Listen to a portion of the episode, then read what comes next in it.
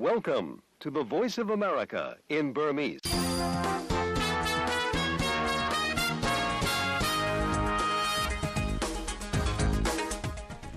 မင်္ဂလာမနက်ခင်းပါရှင်။ VOA အမေရိကန်အသံရဲ့2024ခုနှစ်ဖေဖော်ဝါရီလ29ရက်နေ့ကြာသပတေးနေ့မနက်ခင်းအစီအစဉ်တွေကိုမြန်မာစံတော်ချိန်မနက်6နာရီကနေ9နာရီထိ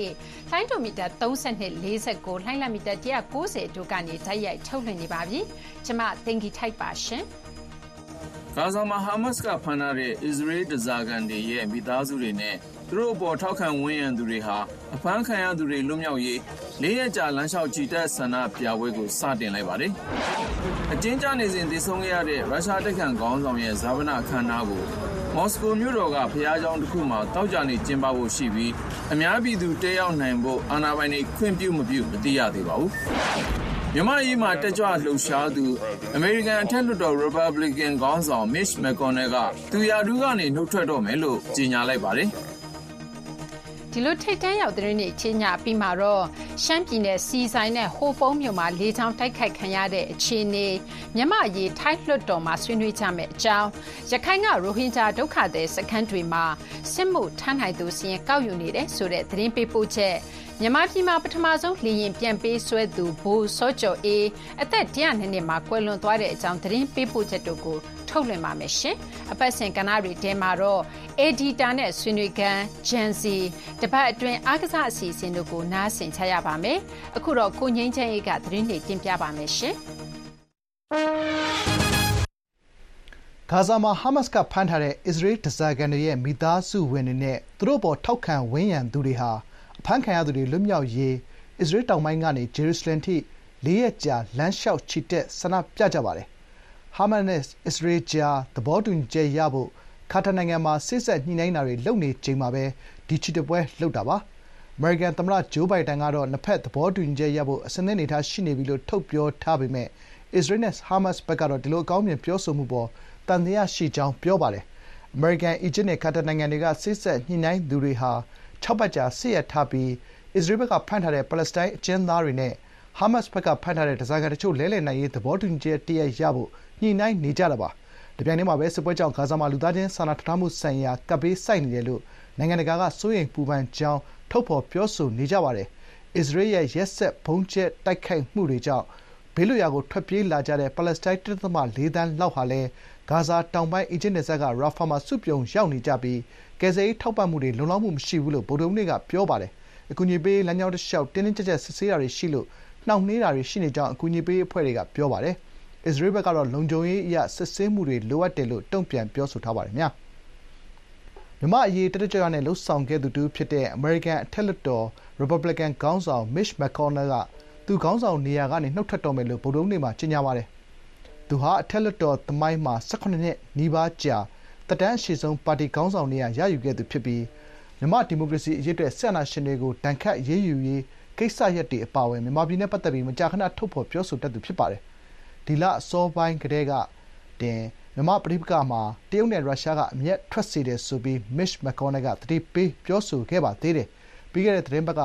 အသက်၈၂နှစ်ပြည့်သွားခဲ့ပြီဖြစ်တဲ့ McConnell ကသူခေါင်းဆောင်နေရာကနေအနားယူတော့မယ့်အကြောင်းဆီနိတ်အထက်လွှတ်တော်မှာကြေညာရာမှာ စိတ်လှုပ်ရှားမှုကြောင့် ကြေကွဲစွန့်နစ်နေပြီး သူ့နာမည်ကို လုပ်ဖော်ကိုင်ဖက်တွေအနေနဲ့ မှတ်မိနေဖို့ မျှော်လင့်ကြောင်းနဲ့ နောက်မျိုးဆက်သစ်တွေအတွက် နေရာဖယ်ပေးဖို့ အချိန်တန်ပြီလို့ ပြောပါတယ်။ McConnell ဟာ နိုဝင်ဘာမှာ ကျင်းပမယ့် ပါတီရွေးကောက်ပွဲတွေမှာ အထက်လွှတ်တော် ရီပတ်ဘလီကန် ခေါင်းဆောင်အဖြစ် ဝင်ရောက်ယှဉ်ပြိုင်မှာ မဟုတ်ကြောင်း ပြောကြားခဲ့လို့ ဒါဟာ ရှေ့နှစ် ဇန်နဝါရီ လွှတ်တော်အသစ် ကျင်းပတဲ့အခါမှာ သူ့ရဲ့ ခေါင်းဆောင်မှုကို အဆုံးသတ်စေမှာ ဖြစ်ပါတယ်။ဒါပေမယ့် လွှတ်တော်အမတ်အဖြစ်နဲ့တော့ သက်တမ်းကုန်ဆုံးမယ့် ၂၀၂၇ ခုနှစ် ဇန်နဝါရီအထိ ဆက်တာဝန်ထမ်းဆောင်မယ်လို့ McConnell ကပြောပါတယ်။ရုရှားအတိုက်အခံခေါင်းဆောင် Alexei Navalny ရဲ့ ဈာပနအခမ်းအနားကို မော်စကိုမြို့တော်က ဘုရားကျောင်းတခုမှာ သောကြာနေ့မှာ ကျင်းပဖို့ရှိပြီး အများပြည်သူတက်ရောက်ခွင့်ရှိပေမယ့် ဒါကို အာဏာပိုင်တွေက လူအများတက်ရောက်မှာကို တားဆီးမှုရှိမရှိ ရှင်းရှင်းလင်းလင်း မသိရသေးပါဘူး။ရုရှားသမ္မတ Vladimir Putin ကို ပြတ်ပြတ်သားသား ဝေဖန်တတ်သူဖြစ်တဲ့ အသက် ၄၇ နှစ်အရွယ် Navalny ဟာ အာတိတ်စက်ဝိုင်းရဲ့ မြောက်ဘက် မိုင် ၄၀ အကွာ မော်စကိုကနေ မိုင် ၁၂၀၀ လောက်ဝေးတဲ့ လုံခြုံရေးအမြင့်ဆုံးချထားတဲ့ ရုရှားအကျဉ်းထောင်တခုထဲမှာ သံသယဖြစ်ဖွယ်အနေအထားနဲ့ ဖေဖော်ဝါရီလပိုင်းတုန်းက သေဆုံးခဲ့တာပါ။ Navalny ရဲ့ ကျန်ရစ်သူ ဇနီးသည် Yulia Navalnaya ကတော့ ဥရောပပါလီမန်မှာ ဗုဒ္ဓဟူးနေ့က မိန့်ခွန်းပြောရာမှာ အခမ်းအနားက ငြိမ်းငြိမ်းချမ်းချမ်းပဲ ပြီးသွားမလား၊ဒါမှမဟုတ် လာသူတွေကို ရဲတွေကပဲ ဖမ်းမလားဆိုတာ မသေချာဘူး လို့ ပြောပါတယ်။ Navalny ကို သေဆုံးပြီးနောက်ပိုင်း အောက်မေ့ဖွယ်နေရာတွေမှာ ပန်းတွေချခဲ့လို့ သူ့အပေါ် ထောက်ခံသူ ဒါဇင်ပေါင်းများစွာလည်း ဖမ်းခံခဲ့ရပါတယ်။ဒါ့အပြင် Navalny ရဲ့ နာရေးကျင်းပဖို့ကို နေရာအတော်များများက လက်မခံဘဲ ငြင်းဆန်ခဲ့ကြတယ်လို့ သူ့ရဲ့ လုပ်ဖော်ကိုင်ဖက်တွေက ပြောပါတယ်။အသုဘအခမ်းအနား ကျင်းပတဲ့ နေရာအများစုက ရက်ချိန်းတွေ ပြည့်နေပြီလို့ ပြောသလို တချို့ကတော့ Navalny နာမည်ကို ထုတ်ပြောချိန်မှာ လက်မခံဘဲ ငြင်းဆိုခဲ့ကြတယ်လို့ Navalny ရဲ့ ပြောရေးဆိုခွင့်ရှိသူ Kia Ramesh က လူမှုကွန်ရက် X မှာ သတင်းထုတ်ပြန်ထားပါတယ်။ VOA အမေ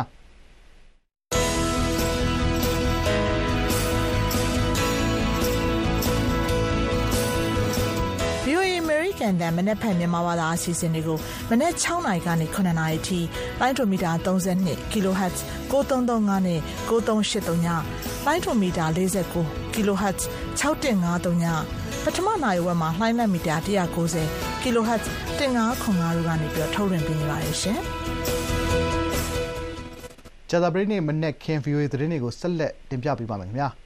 လက်နက်ကိုင်ပဋိပက္ခတွေဖြစ်နေတဲ့ ရှမ်းပြည်နယ်မြောက်ပိုင်းကမိုးမိတ်မြို့နဲ့ မဘိမ်းမြို့တွေကို စစ်ကောင်စီက စစ်အုပ်ချုပ်ရေးကြေညာကြောင်း ဖေဖော်ဝါရီ ၂၈ ရက်နေ့က ထုတ်ပြန်ပါတယ်။လုံခြုံရေး၊တရားဥပဒေစိုးမိုးရေးနဲ့ နယ်မြေအေးချမ်းရေးအတွက် အခုလို ထုတ်ပြန်ရတာလို့ စစ်ကောင်စီရဲ့ ကြေညာချက်မှာ ဖော်ပြထားပါတယ်။ရှမ်းပြည်နယ်က လူ့အခွင့်အရေးအခြေအနေတွေကို စောင့်ကြည့်နေတဲ့ အဖွဲ့တခုဖြစ်တဲ့ ရှမ်းလူ့အခွင့်အရေးမဏ္ဍိုင်ရဲ့ ဖေဖော်ဝါရီ ၂၇ ရက်နေ့ ထုတ်ပြန်ချက်ထဲမှာတော့ မိုးမိတ်မြို့နယ်ထဲမှာ စစ်ကောင်စီဘက်က လေကြောင်းတိုက်ခိုက်မှု၊လက်နက်ကြီးပစ်ခတ်မှု၊မီးရှို့ဖျက်ဆီးမှု၊ဥပဒေမဲ့သတ်ဖြတ်မှုနဲ့ အုပ်စုဖွဲ့ အဓမ္မပြုကျင့်မှုတွေ ကျူးလွန်နေတယ်လို့ စွပ်စွဲထားပြီး ဒေသခံ၆,၀၀၀ကျော် နေရပ်စွန့်ခွာ ထွက်ပြေးနေရတယ်လို့ ဖော်ပြထားပါတယ်။တခါ ကချင်ပြည်နယ် ဖားကန့်မြို့နယ်ဘက်မှာတော့ စစ်ကောင်စီရဲ့ တာမခန် တပ်စခန်းကို ကချင်လွတ်မြောက်ရေးတပ်မတော် KIA က တိုက်နေတာ ၃ ရက်ရှိနေပြီလို့ KIA ပြန်ကြားရေးတာဝန်ခံ ဗိုလ်မှူးကြီးနော်ဘူက VOA ကို ဗုဒ္ဓဟူးနေ့က ပြောပါတယ်။စစ်ကောင်စီဘက်က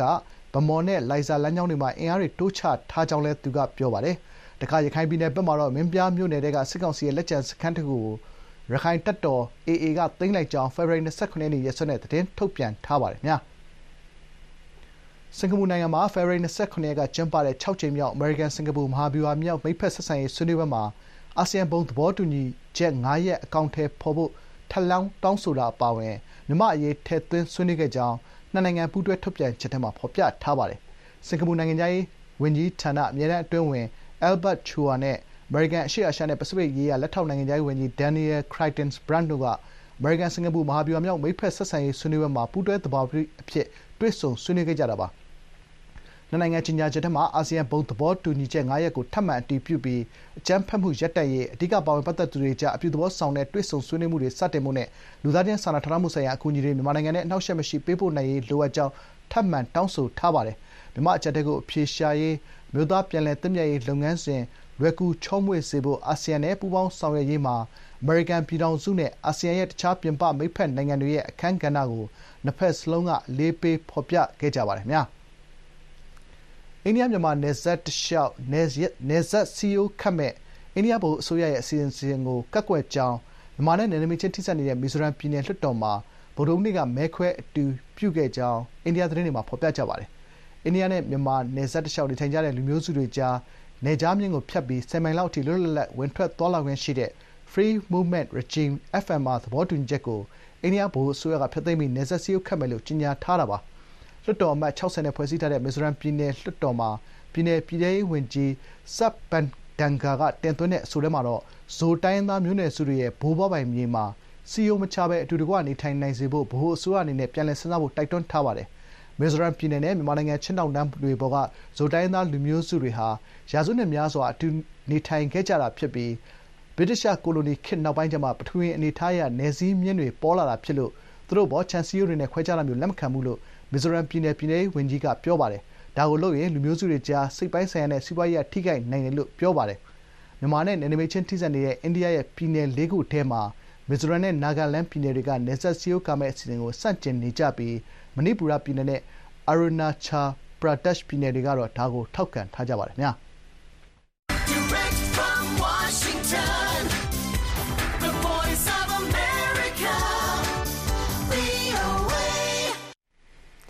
America, VOA. ထိတ်တန်းရောက်သတင်းတွေကို ကိုငိမ့်ချန်အေးပြောပြပေးခဲ့တာပါ။ VOA မြန်မာပိုင်းအစီအစဉ်ရဲ့ ရေဒီယိုရုပ်သံအစီအစဉ်တွေကို VOA ရဲ့ website စာမျက်နှာ burmese.voanews.com မှာအတန်းလွှင့်ချိန်နဲ့တပြေးညီ တိုက်ရိုက်ထုတ်လွှင့်ပေးနေသလိုပဲ VOA မြန်မာပိုင်းအစီအစဉ်ရဲ့ လူမှုကွန်ရက် Facebook စာမျက်နှာကနေလည်း တိုက်ရိုက်ထုတ်လွှင့်နေပါတယ်။အခုတော့ သတင်းဆောင်မတွေကို နားဆင်ကြရအောင်ပါ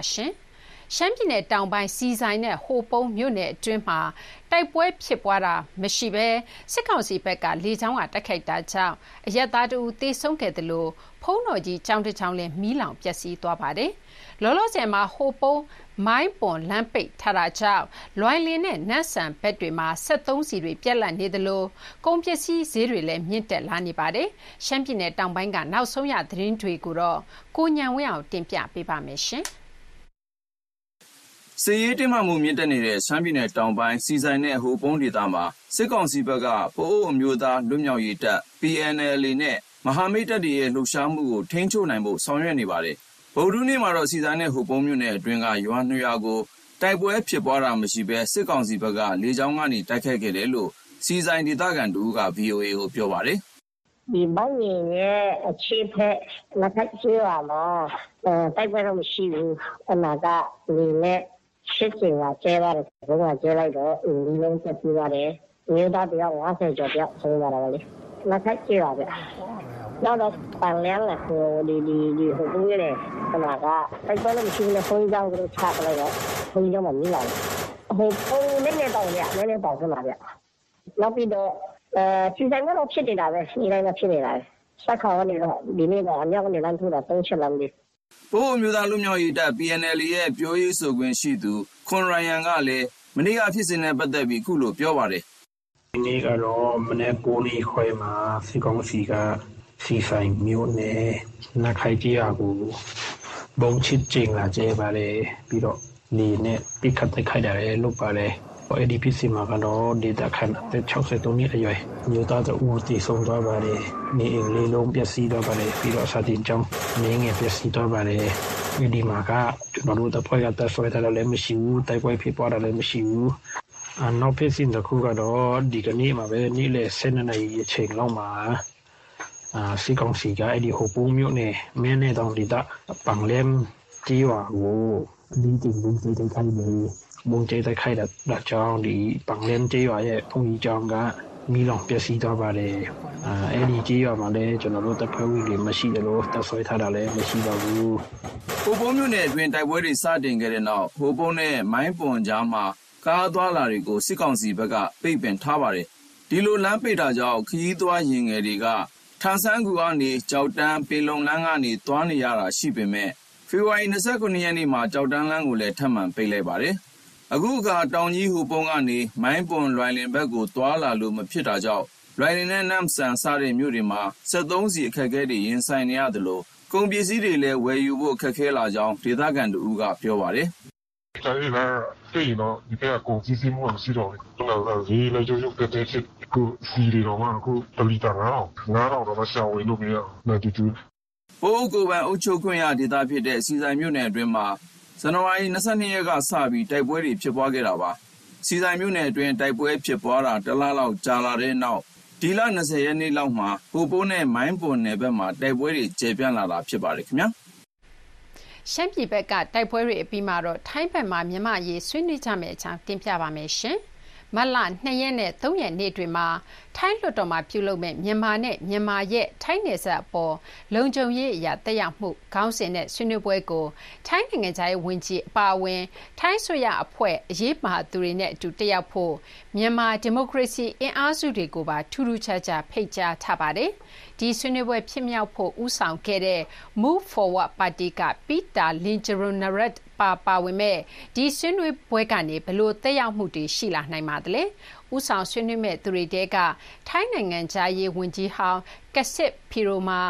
NUG နိုင်ငံသားရေးဝန်ကြီးနဲ့ NUCC အမျိုးသားညီညွတ်ရေး အတိုင်းပင်ခံကောင်စီဝင်တို့ကို ကိုဝင်းမင်းက မေးထားပါတယ်ရှင်ဟုတ်ကဲ့ ဒီ စနေ တနင်္ဂနွေမှာလုံမဲ့အာနာသိမ့်ပြီး ၃ နှစ်အကြာလို့ ခေါင်းစဉ်တက်ထားတဲ့ အခုဆွေးနွေးပွဲ ထူကြမှုကို ဒုတိယနေ့မှာ အဓိက အဖွင့်မိကွန်းပြောဖို့ရှိတဲ့ ထိုင်းနိုင်ငံသားရေးဝန်ကြီးဟောင်းကစစ်ဖီယောမ်ကအခုလို ဖွင့်ပြောပြပါတယ် It's a good initiative on the part of some of the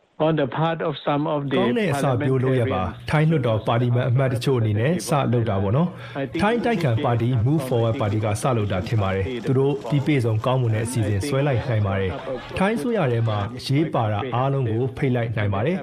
သူဖြင့်ထိုင်းနိုင်ငံသားရေးဝန်ကြီးထိုင်းစစ်တပ်ဦးစီးချုပ်နောက်ထိုင်းလုံခြုံရေးကောင်စီအတွင်းမှုချုပ်တို့ကိုပါဖိတ်ထားတယ်လို့ကျွန်တော်ထင်ပါတယ်အဲ့တော့နိုင်ငံသားရေးအပါအဝင်ထိုင်းဆိုရကဏ္ဍအသီးသီးကအကြီးတန်းအရာရှိတွေစုံအောင်ဖိတ်ထားတာပေါ့နော်အခုလိုလုပ်တာအချိန်ကြီးပါမြန်မာနိုင်ငံမှာအခုဖြစ်နေတာတွေကိုရပ်တန့်ဖို့ထိုင်းဆိုရဘက်ကစလုပ်ဖို့လိုအပ်လာချိန်လေမြန်မာနဲ့မြန်မာရဲ့ထိုင်းနယ်စပ်ပေါ်လုံခြုံရေးရတက်ရောက်မှုလို့ခေါင်းစဉ်ငယ်တက်ထားပြီးမတ်လ2ရက်နဲ့3ရက်နှစ်နေ့လုံးမဲ့ဒီပွဲပထမနေ့မှာနိုင်ငံရေးဥဆောင်ဆွေးနွေးသူတူဖြစ်တဲ့ NUG မြို့သားညီညွတ်ရေးအစိုးရနိုင်ငံခြားရေးဝန်ကြီးဒေါ်စင်မောင်ကလည်းအခုလိုပြောပါတယ်ထိုင်းအစိုးရကလုံမဲ့ကိစ္စက policy reorientation ပြန်လုပ်နေတော့လွတ်တော်ပဲချမ်းကရော advocacy လုပ်ကြတဲ့အစုအဖွဲ့တွေရောနောက်အစိုးရအဖွဲ့ရလူတွေကရောဒီအတန်းတွေကိုစုဆောင်းနေတဲ့ policy formulation လုပ်ဖို့လို့ပေါ့လေအဲဒီလိုမျိုးပွဲတွေလုပ်နေတယ်လို့ပဲနားလည်ပါတယ်ဒီပွဲတစ်ပွဲတည်းမဟုတ်ပါဘူးအခုရက်ပိုင်းလုပ်နေတဲ့မြန်မာရင်းနဲ့ပတ်သက်တဲ့ထိုင်းမှာလုပ်နေတဲ့ပွဲပေါင်းက၄၅6ပွဲကျွန်တော်တို့သတိထားမိနေတာရှိရလေ အခုချိန်ထိဟိုစောင်းတင်လုပ်နေတော့အဲ့ဒါဝိုင်းပြီးတော့ advocate လုပ်နေကြတယ်လို့ပဲကျွန်တော်တို့နားလည်ပါတယ်ဒါအပြင်အခုဆွေးနွေးပွဲရဲ့ထူးခြားမှုအပေါ်လဲနောက်ဒီနိုင်ငံရေးခေါင်းစဉ်အောက်မှာဥဆောင်ဆွေးနွေးမဲ့ NUCC အမျိုးသားညီညွတ်ရေးတိုင်ပင်ခံကောင်စီဝင်ဦးတိုးကျော်လိုင်းကလည်းအခုလိုရှင်းပြပါတယ်ဒီပွဲကဒီຫນွေဦးတော်လှန်ရေးမှာဒီဥဆောင်တဲ့အင်အားစုတွေဖြစ်တဲ့ မြို့သားညီညွတ်ရေးတိုင်ပင်ခံကောင်စီရဲ့ NUCC နောက်ပြီးတော့မြို့သားညီညွတ်ရေးအစိုးရ NUG တို့ကိုဒီထိုင်းလွှတ်တော်အနေနဲ့ပထဒါပထမဆုံးတရားဝင်ဖိတ်တဲ့ပွဲဗျအဲ့တော့ထိုင်းလွှတ်တော်ကဒီကျွန်တော်တို့ဒါ Move Forward Party ကအများစုအနိုင်ရထားတာဖြစ်တယ်ပေါ့နော်အဲ့တော့သူတို့ကတော့ဗမာပြည်မှာကျွန်တော်တို့မြန်မာနိုင်ငံမှာဒီမိုကရေစီအပြောင်းအလဲကိုသူတို့လိုလားတယ်ဆိုတဲ့ဟာတော့ဒါထင်ထင်ရှားရှားပြသတာဖြစ်တယ် အဲ့တော့ထိုင်းဆိုရအနေနဲ့ကတော့ဘယ်လိုသဘောထားမယ်ဆိုတာတော့ကျွန်တော်တို့ဟိုမသိသေးဘူးပေါ့ဗျာအဲ့တော့ဒီပွဲဘယ်လိုဘယ်လိုထူးခြားမလဲဆိုတဲ့ဟာကတော့ကျွန်တော်တို့ဒီထိုင်းလွှတ်တော်နဲ့ထိုင်းဆိုရသဘောထားညှိနှိုင်းမှုတွေပုံမှာမူတည်မယ်လို့တော့ကျွန်တော်သုံးသပ်ပါတယ်ဗျတစ်ချိန်တည်းမှာမတ်လ3ရက်နေ့မှာအဖွင့်မေကွန်းပြောမဲ့ထိုင်းနိုင်ငံသားရေးဝန်ကြီးဟောင်းကစစ်က ဘာကြောင့်အခုလိုအချိန်မှာဒီပွဲလုပ်ဖို့အရေးကြီးပုံကိုအခုလိုထောက်ပြပါတယ် Myanmar's effect on the Thai Myanmar မြန်မာဘက်ကနေထိုင်းမြန်မာဆက်ဆံရေးပေါ်အထွေထွေတက်ရောက်မှုအပြင်အတိအကျအဖြစ်မြန်မာဘက်ကနေထိုင်းမြန်မာနယ်စပ်ကိုလာပြီးထိခိုက်လာတာပါဒုက္ခသည်တွေနိုင်ငံရေးခိုလုံခွင့်ရှောက်သူတွေနောက်ရာဇဝတ်ကိုင်းလုံးရက်တွေစသဖြင့်ဒီနယ်စပ်ကိုရောက်လာပါတယ်ဒါကြောင့်ထိုင်းဘက်အနေနဲ့အထူးသဖြင့်ထိုင်းလွှတ်တော်အနေနဲ့ထိုင်းဆိုရတဲ့ကကဏ္ဍအသီးသီးမှာအရေးပါသူတွေရဲ့တင်ပြချက်တွေနောက်နိုင်ငံသားကကျွမ်းကျင်သူတွေအကြံပြုတာတွေကိုစတာတွေအမြင်ဖလှယ်ကြဖို့အားလုံးအတွက်အချိန်ကိုက်ပါအဓိကကတော့ထိုင်းဆိုရအပြင်အာဆီယံနောက်နိုင်ငံတကာတိုင်းဝိုင်းတွေပါတွဲပြီးမြန်မာပြည်အတွက်တကယ်ပြစ်ခတ်နေတာတွေရပ်ပြီးငြိမ်းချမ်းတဲ့အဖြစ်ရအောင်လမ်းရှာရမှာပါအဲ့ဒီတော့ဒီဆွေးနွေးပွဲကနေသက်ရောက်နိုင်မှုပေါ်ဆက်မေးရမှာ နိုင်ငံခြားရေးဝန်ကြီးဟောင်းကစစ်ကအခုလိုဆက်ရှင်းပြပါတယ် I think it's a serious event uh, hopefully something လေး substantive နဲ့ရှိ come မဲ့ out ဆွေးနွေးပွဲလို့ထင်ပါတယ်တခုခုထိရောက်နိုင်တာထွက်လာမယ်လို့မျှော်လင့်ပါတယ်ထိုင်းဆိုရအနေနဲ့လက်ရှိမြန်မာအပေါ်မူဝါဒတွေအလုံးမဖြစ်တာကိုသတိပြုမိပြီးလမ်းကြောင်းပြန်ထိန်းညှိဖို့မျှော်လင့်ပါတယ် ဘာလို့လဲဆိုတော့လက်ရှိမြန်မာမှာဖြစ်နေရတွေကနိုင်ငံတကာမှာနိုင်ငံများစွာအတွက်လက်ခံနိုင်စရာမရှိဘူးလေကျွန်တော်ကိုယ်တိုင်လည်းအရင်ထိုင်းအစိုးရနဲ့လက်ရှိထိုင်းအစိုးရမူဝါဒလမ်းကြောင်းကိုစိတ်ပြက်လာနေခဲ့တာပါဒီမိုကရေစီလိုချင်တဲ့မြန်မာပြည်သူတွေအတွက်အထောက်အကူမဖြစ်ဘူးလေအဲ့ဒီတော့အထောက်အကူဖြစ်အောင်ဘယ်လိုလုပ်ဖို့အကြံပြုရှင်ပါလဲလို့မေးရမှာလဲဝန်ကြီးအောင်ကစစ်ကပဲအခုလိုဒီမိုကရေစီနဲ့တိုင်းရင်းသားအင်အားစုအရေးပါတဲ့ဘက်ကိုလည်းတရားဝင်ဆွေးနွေးဖို့လိုတယ်လို့ဆိုပါတယ်အဲ့ဒီတော့ ထိုင်းဆိုရအနေနဲ့ အခုလို အရေးပါတဲ့ဘက်နဲ့ မတွေ့တဲ့အပေါ် ထိုင်းဆိုရကို ဘာပြောချင်ပါသလဲလို့ မေးရမှာ ဝန်ကြီးအောင်ကစစ်ကအခုလို အလေးနဲ့ပြောလိုက်ပါတယ် people are dying in Myanmar people are with food, without food မြ medicine န်မာ and ပြည်တဲ့ water ပြည်သူတွေတည်နေကြပါပြီ ပြည်သူတွေအစာရေစာဆေးဝါးတွေစပြတ်နေပါပြီတည်တယ်မလားသူတို့အကူအညီလိုနေပါပြီတိုက်ခိုက်နေကြတာတွေရပ်ဖို့ဒီပြည်သူတွေလိုအပ်နေပါပြီရေဦးရအပြင်ထိုင်းပြည်သူတွေနဲ့တိကျပြောရရင်ထိုင်းနိုင်ငံရေးသမားတွေအစိုးရအရာရှိတွေအနေနဲ့ပါအခုလိုမြန်မာပြည်တဲ့ဖြစ်နေတာတွေတစ်ခုလုံးကိုလစ်လျူရှုထားကြမှာလားကျွန်တော်တို့ဟာလူသားတွေပါလူသားဆန်ဖို့အရေးတိုက်တိုက်တွန်းတွန်းကိုစလုပ်ရပါတော့မယ်လိုအပ်နေတဲ့မြန်မာပြည်သူတွေမိတ်ဆွေဆွေတွေအတွက် စလုပ်ပေးရတော့မှာပါတကယ်တော့အခုဒီထိုင်းလွှတ်တော်ထဲမှာလုပ်မဲ့ဆွေးနွေးပွဲကိုလက်ရှိထိုင်းနိုင်ငံခြားရေးဝန်ကြီးကိုယ်တိုင်တက်မဲ့အပေါ်စစ်ကောင်စီဘက်ကမချေမနှက်ဖြစ်နိုင်ပြီးမတက်ဖို့တိုးတိုးတိတ်တိတ်ဖိအားပေးနိုင်တယ်လို့လည်းဒီဆွေးနွေးပွဲနဲ့နှိစက်သူတွေကထောက်ပြနေကြပါတယ်ခင်ဗျာကိုဝင်းမြင့်ပါရှင်အခုတော့ရိုဟင်ဂျာတွေကိုစီးရင်ကောက်ယူနေတဲ့အကြောင်းတင်ပြပါမယ် အတီးပြုတ်ဖြတ်ထန်းထားတဲ့ စစ်မှုထမ်းဥပဒေအတွက်ဆိုကရခိုင်ပြည်နယ်မှာရှိတဲ့ ရိုဟင်ဂျာဒုက္ခသည်စခန်းတွေမှာစီးရင်ကောက်ယူမှုတွေ ရှိနေတယ်လို့ ရိုဟင်ဂျာအရေး လှုပ်ရှားသူတွေဘက်က ပြောဆိုပါတယ် စစ်တွေ မောင်တော်ဘူးသီးတောင်ဘက်တွေမှာ ကောက်ယူခဲ့တာဖြစ်တယ်လို့ ပြောပါတယ် ရခိုင်ဒေသ စစ်ကောင်စီနဲ့ရခိုင်တပ်တော်ကြားမှာ ရိုဟင်ဂျာတွေရက်တီရေးက ပိုခက်ခဲလာတယ်လို့ ရိုဟင်ဂျာအရေး လှုပ်ရှားသူတွေကလည်း ထောက်ပြလာပါတယ်။ဒီသတင်း ရန်ကုန်က ပေးပို့လာတာကို မခွာညိုပြောပြပေးပါမယ်ရှင်။စစ်အာဏာရှင်ဟောင်းတဦးဖြစ်တဲ့ ဦးသက်ရွှေလက်ထက်2010ပြည့်နှစ်မှာ ပြဋ္ဌာန်းခဲ့တဲ့ စစ်မှုထမ်းဥပဒေ အာဏာတည်တဲ့အကြောင်း လက်ရှိစစ်ကောင်စီက ဖေဖော်ဝါရီလ10ရက်နေ့က သတင်းထုတ်ပြန်ခဲ့ပါတယ်။ ဥပဒေအရနီးဥပဒေထွက်ဖို့ရှိနေသေးပေမဲ့စစ်မှုထမ်းနိုင်တဲ့လူဦးရေစည်းကိုရိုဟင်ဂျာဒုက္ခသည်စခန်းတွေမှာစပြီးစီးရင်ကောက်ယူလာတယ်လို့ပြောကြပါတယ်။စစ်တွေမောင်တော်ဘူးသီးတောင်တွေဘက်ကရိုဟင်ဂျာဒုက္ခသည်စခန်းတွေထဲမှာတီဆဲပြဋ္ဌာန်းထားတဲ့စစ်မှုထမ်းဥပဒေအရအမျိုးသားတွေကိုစည်ရင်ကောက်တာမှာသတ်မှတ်အသက်ထက်ကျော်တဲ့သူတွေကိုလည်းစည်ရင်ကောက်ယူတယ်လို့ရိုဟင်ဂျာအရေးဆောင်ရွက်နေသူတဦးကပြောပါတယ်လက်ရှိကောက်ယူမှုတွေမှာတော့အမျိုးသမီးတွေမပါဝင်ဘူးလို့လည်းပြောပါတယ်။ စိရင်ကောက်တာတော့လောလောဆယ်တစ်ဖက်လောက်ရှိပြီ။နောက်သူတို့ကိုလိုတယ်လူငယ်တွေကိုအဲနိုင်ငံတော်ရဲ့ဥပဒေကိုပြဋ္ဌာန်းထားတဲ့အတွက်အဲ့ဒီဥပဒေအတိုင်းဆောင်ရွက်ရမယ်ဆိုပြီးတော့အဲ့လိုမျိုးပြောပြီးဒီမှာတော့ကျွန်တော်တို့နေပြင်သတင်းအရာတော့တိကျကြတာ400ကျော်စုလို့ရတယ်ပြောတယ်။ဘူးတီတောင်မှာကြတော့400ကျော်စုလို့ရတယ်။ကြောက်ဖြူ ကြောက်တလုံးစကမ်းမှာကြတော့100နဲ့9ပထမတော့160အခု180လောက်ရှိပြီလို့ပြောတယ်။စက္ကစကျင်ရတာတော့ယောက်ျားလေးက16နှစ်နဲ့35မင်းကလေးက16နှစ်နဲ့29ဆိုပြီးတော့ပြောတော့အဲ့ဒီဘက်မှာကြတော့ရိုဟင်ဂျာတွေတရားမင်းကလေးတွေကတော့မပါဘူးယောက်ျားလေးတွေကြတော့16ကနေ35တိပါတယ်ဒါပဲဒီလိုကြောက်ပြူကြောက်တလုံးစကမ်းမှာကြတော့35ကျော်တာလေးရှိတယ်။ဟိုမှာကအသက်40တို့ပါလို့လေကောက်တာရှိတယ်။အဲဘူးစစ်တီနဲ့ဘူးဒီတောင်မှာကြတော့ 30နဲ့အဲ16ကနေ35ကောက်တယ်ရခိုင်စစ်တွေလူဝင်မှုကြီးကြပ်ရေးဌာနကအမည်မဖော်လိုတဲ့အရာရှိတူကတော့အခုလိုစီရင်ကောက်ယူတာဟာပုံမှန်3လတစ်ကြိမ်6လတစ်ကြိမ်ရိုဟင်ဂျာတွေရဲ့လူဦးရေတိုးတာသေတာတွေအတွက်ကောက်ယူတတ်တဲ့အစီအစဉ်တိုင်းလုပ်တာဖြစ်ပြီးစစ်မှုထမ်းဖို့အတွက်ကောက်တာမဟုတ်ဘူးလို့ညှင်းဆိုထားပါတယ်။ဒါပေမဲ့ ရိုဟင်ဂျာအရေးဆောင်ရွက်နေတဲ့သူတွေကတော့ရိုဟင်ဂျာတွေဟာမြန်မာနိုင်ငံမှာနေထိုင်တဲ့သူတွေပဲဖြစ်တယ်။ဒါကြောင့်စစ်မှုထမ်းဖို့လိုအပ်တယ်လို့ပြောပြီးကောက်ယူခဲ့တာလို့ပြောကြပါတယ်။စစ်မှုထမ်းဥပဒေကိုမလိုက်နာတဲ့သူတွေဟာထောင်ဒဏ်3နှစ်ကနေ9နှစ်အထိကြာခံရမယ်လို့ပြဋ္ဌာန်းထားပါတယ်။စစ်မှုထမ်းဖို့စီရင်ကောက်တာအပြင်လက်ရှိစစ်ကောင်စီနဲ့ရခိုင်တပ်တော်ကြားတိုက်ပွဲတွေထဲမှာ ရိတ်ခါတဲ့တာနဲ့စစ်လက်နက်ပစ္စည်းတွေတည်ဖို့အတွက်ပါရိုဟင်ဂျာတွေကိုစစ်ကောင်စီဘက်ကရောရခိုင်တပ်တော်ဘက်ကပါခေါ်ယူခိုင်းစေတာတွေလုပ်တယ်လို့ရိုဟင်ဂျာအရေးဆောင်ရွက်နေတဲ့ဥတင်ဆိုက VOA ကိုပြောပါတယ်ကျွာတရားကိုရောက်တယ်ရောက်ပြီးတော့အင်တာဆိုစင်းကိုကောက်တယ်ယူတယ်ယူပြီးတော့အဲ့ဒီစင်းတွေကနေလူတွေကိုသူတို့အဲ့ဒီနာမည်တွေယူတယ်လူဘယ်နှယောက်ရှိတယ်ဆိုတာယူထားတယ်သူတို့ဘာပြောလဲဆိုတော့နောက်နေ့လာရင်ကျွန်တော်တို့အဲ့ဒီလူတွေလူကြည့်တယ် ဒါပါပဲနောက်နေ့လာပြီးတော့ရှိတဲ့လူတွေကိုကိုကော်သွားတာပဲလူငယ်ပိုင်းတွေအဲ့ဒီစစ်ပွဲပြနေတဲ့နေရာကနေတွက်ပြဖို့နေရာဆိုတော့ဘယ်မှမရှိဘူးလာပြီးတော့အဲ့ဒီမှာပေါ်တာဆွေးတဲ့ပုံစံမျိုးနဲ့ပဲဆွေးသွားတာပဲလူတွေကိုရွာတဲ့ကောလာပြီးတော့ကော်သွားတယ်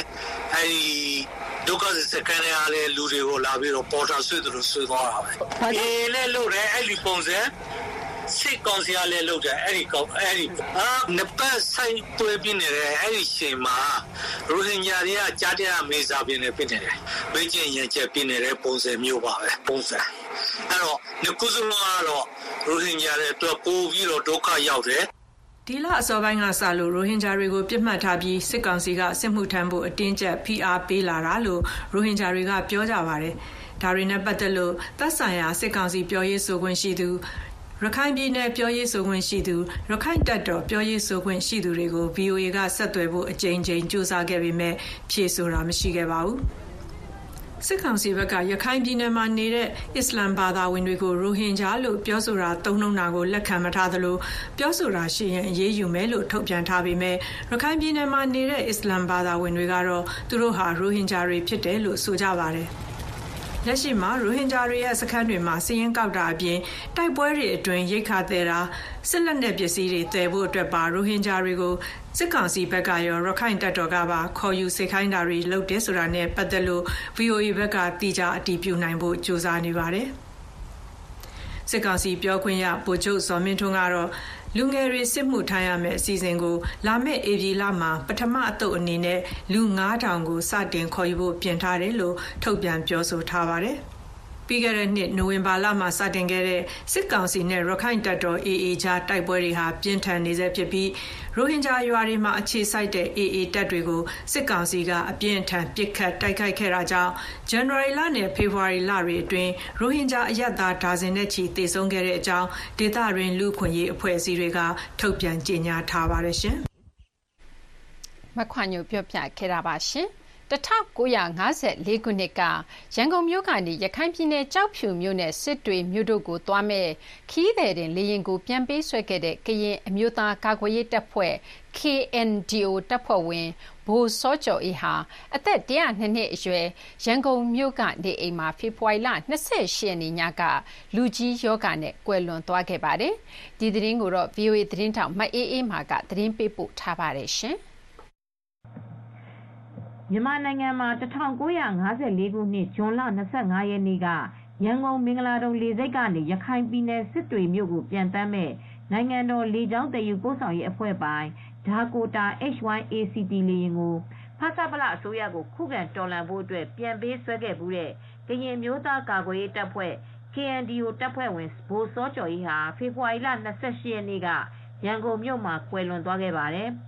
သူဟာကွယ်လွန်ချိန်မှာအသက်၁၀၂နှစ်ရှိပြီဖြစ်ပါတယ်။သူဟာတခြားရောဂါမရှိဘဲလူကြီးရောဂါနဲ့သာကွယ်လွန်သွားခဲ့တယ်လို့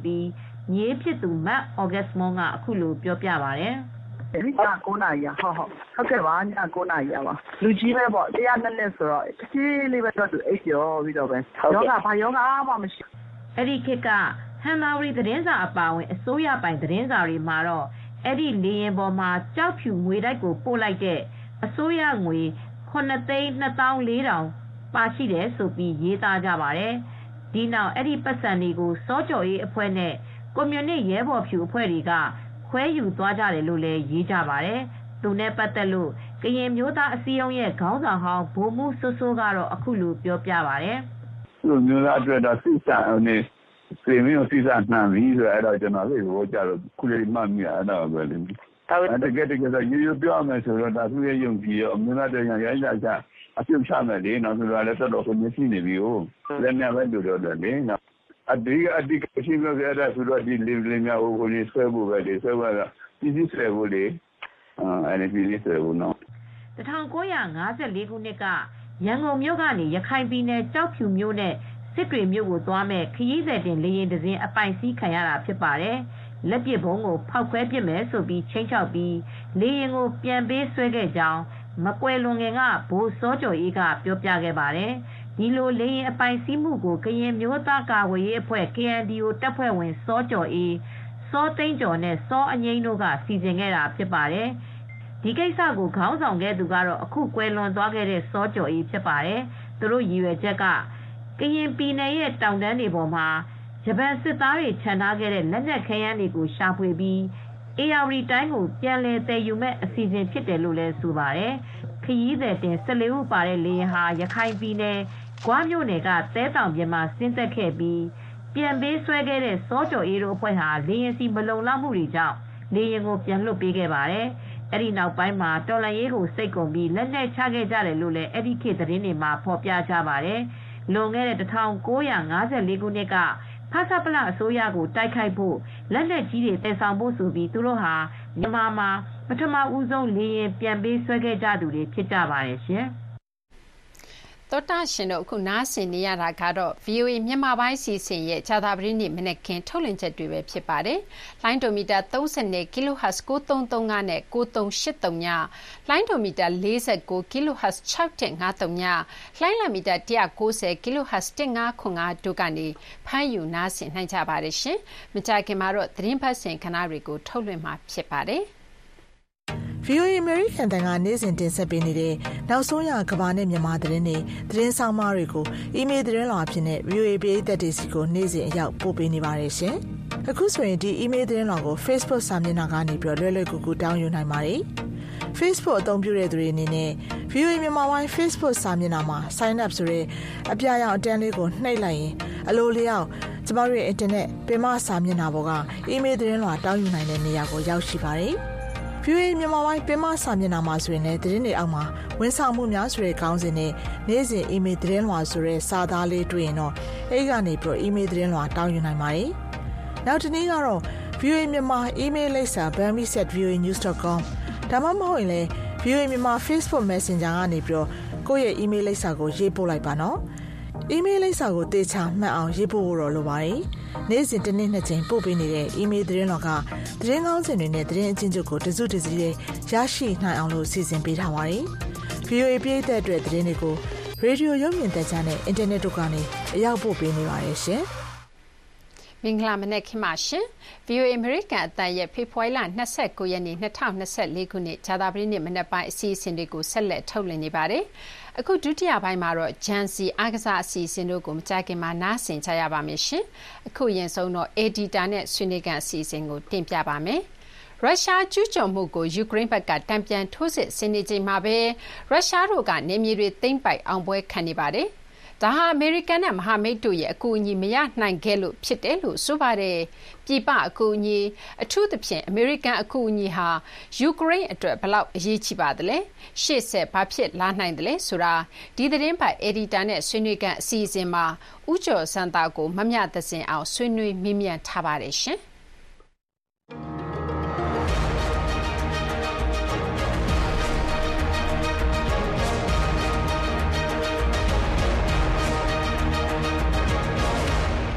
မင်္ဂလာပါဦးကျော်စံသားရှင်မင်္ဂလာပါမြတ်စဉ်အခုဆိုရင်ဒီယူကရိန်းစစ်ပွဲက၃နှစ်ထဲကိုဝင်လာပါပြီအခြေအနေကဘယ်လိုရှိပါလဲဘယ်ဘက်ကနိုင်နေပါလဲငွေလင်းလင်းပြောရင်တော့ယူကရိန်းဘက်ကနည်းနည်းအရေးနိုင်နေတယ်လို့ပြောမှဖြစ်ပါတယ်